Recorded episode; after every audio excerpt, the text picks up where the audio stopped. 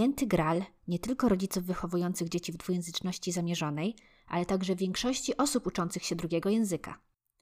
Dzięki nam będziesz brzmieć jak native speaker, wołają do nas reklamy szkół językowych. Czy to w ogóle jest możliwe? Nie. Dziękuję za uwagę i pozdrawiam. Ale Justyna, jak możesz tak deptać po naszych marzeniach i ambicjach? Zwłaszcza jako osoba, która wydaje e-booki z gotowymi wyrażeniami dla rodziców, właśnie po to, aby mogli brzmieć naturalnie.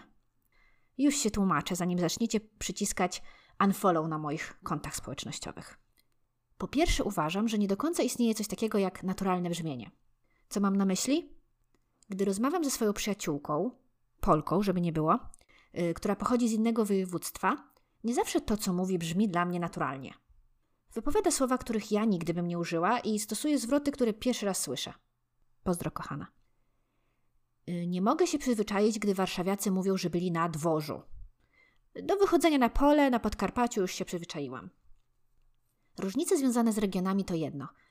Moja mama też potrafi powiedzieć coś, co nie brzmi dla mnie naturalnie. Tak samo jak koleżanki urodzone tam, gdzie ja, czyli na Lubelszczyźnie. Pozdro, kochani. Każdy z nas ma jakieś przyzwyczajenia, swój leksykon mentalny. Mamy różne skojarzenia z różnymi y, słowami, różne wzorce wyniesione z domu rodzinnego.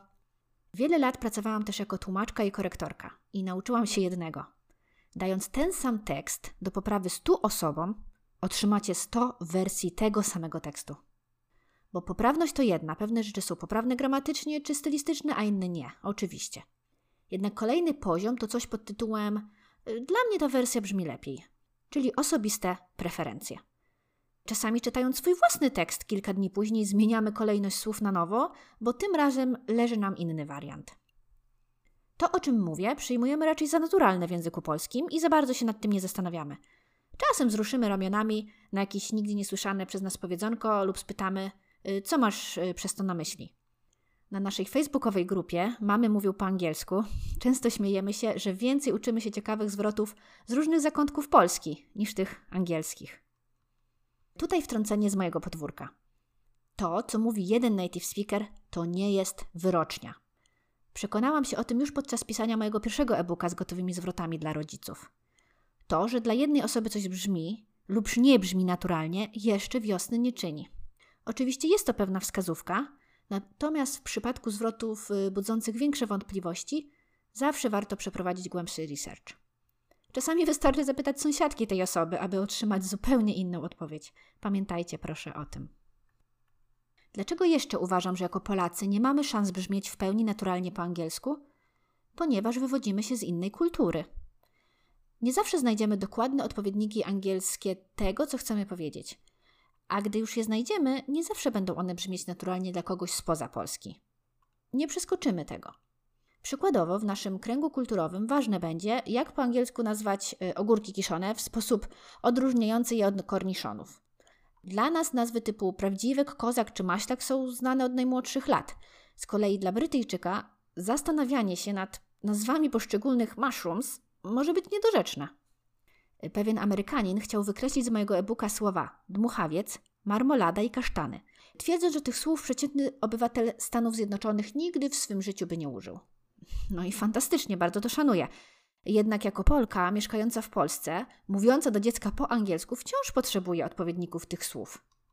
Tak samo jak żyjąc w Polsce, y, potrzebuje góra trzech określeń na śnieg: y, sypki, lepki i paskudna breja, czyli błoto pośniegowe.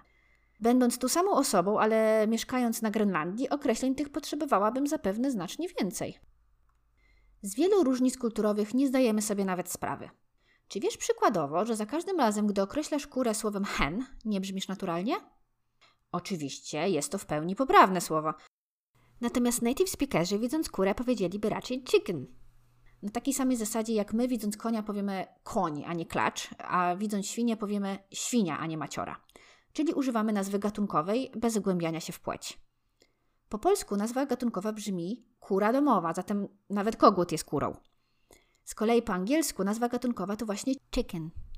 A dopiero rozróżniając płeć i podkreślając, że chodzi o dorosłe osobniki, powiemy hen oraz rooster, powiedziała Justyna celowo używając amerykańskiej wersji, aby nie zdjęli jej podcastu z anteny. Fascynujące, prawda? Zapewne tylko dla językowych nerdów, dlatego w tym momencie zakończę te językowe dywagacje. Mam nadzieję, że zrozumieliście to, co chciałam przekazać. PS. Przykład skórą zainspirowany jest moim synkiem. Takie odkrycia są naprawdę cudowne. Jemu jeszcze nikt nie wmówił, że seller to celery, a na dywany w naszym domu powiemy carpets, a na kurę właśnie hen. On czerpie swoją wiedzę na temat języka głównie z anglojęzycznych książek, bajek i audycji, czyli źródeł autentycznego języka. Dzięki temu jego angielski brzmi bardziej naturalnie i nie popełnia on często błędów typowych dla Polaków, uczących się angielskiego w tradycyjny sposób. To jest naprawdę piękny aspekt dwujęzyczności zamierzonej. Y, chciałabym podkreślić też w tej chwili to, że rodzicom wydaje się, że dzieci będą kopiować ich angielski jeden do jednego.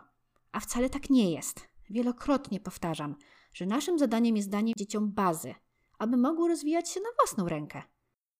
Mój sześciolatek bardzo często mnie poprawia i zna bardzo fajne potoczne zwroty i ciekawe słówka, z którymi ja się nie spotkałam. On, oglądając bajki edukacyjne typu jak to jest zrobione, po prostu chłonie. Ja już nie mam takiej pamięci, a po drugie to obierając ziemniaki myślę wtedy raczej, co jeszcze muszę przygotować na jutro. Podsumowując ten odcinek. Dążenie do naturalnego brzmienia jest fajne. Warto korzystać z różnych materiałów y, w miejsce rzeźbienia zwrotów, które niekoniecznie zostałyby dobrze zrozumiane. Natomiast porzućcie wszelkie nadzieje wy, którzy wchodzicie na teren nauki języka, w którego kulturze nie żyjecie.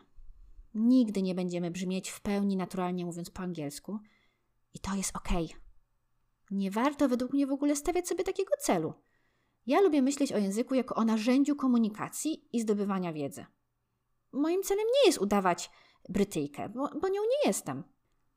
Wymowa i akcent to z kolei temat na inny odcinek, do którego kiedyś na pewno dojdziemy.